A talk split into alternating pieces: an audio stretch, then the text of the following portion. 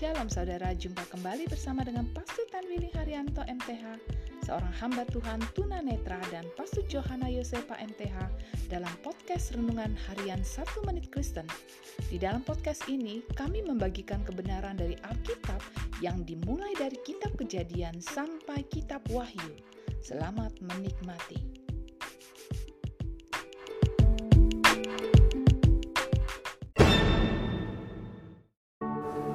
Shalom saudara-saudara yang sangat berharga di hati Tuhan. Firman Allah hari ini mau mengajarkan kepada kita Agar kita dapat mempunyai sikap untuk berbagi. Dan daging korban syukur yang menjadi korban keselamatan itu Haruslah dimakan pada hari dipersembahkannya itu Dan tidak boleh ditinggalkan sampai besok pagi. Allah mau agar daging korban yang tidak habis dapat dibagi-bagikan kepada orang lain sehingga semua orang dapat bersuka cita. Saudaraku ketahuilah bahwa Allah mau agar umatnya dapat memiliki sikap berbagi. Berbagi semangat kepada mereka yang sedang putus asa.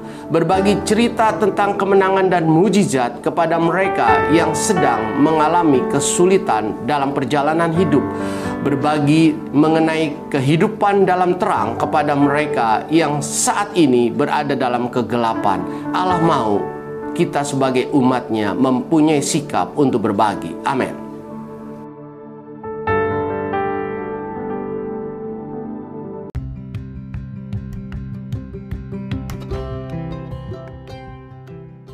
Terima kasih saudara telah mengikuti podcast Renungan Harian 1 Menit Kristen. Doa kami, kiranya kebenaran yang saudara terima akan membuat saudara semakin berakar di dalam Tuhan dan bertumbuh dan berbuah lebat di dalam Tuhan. Tuhan Yesus memberkati.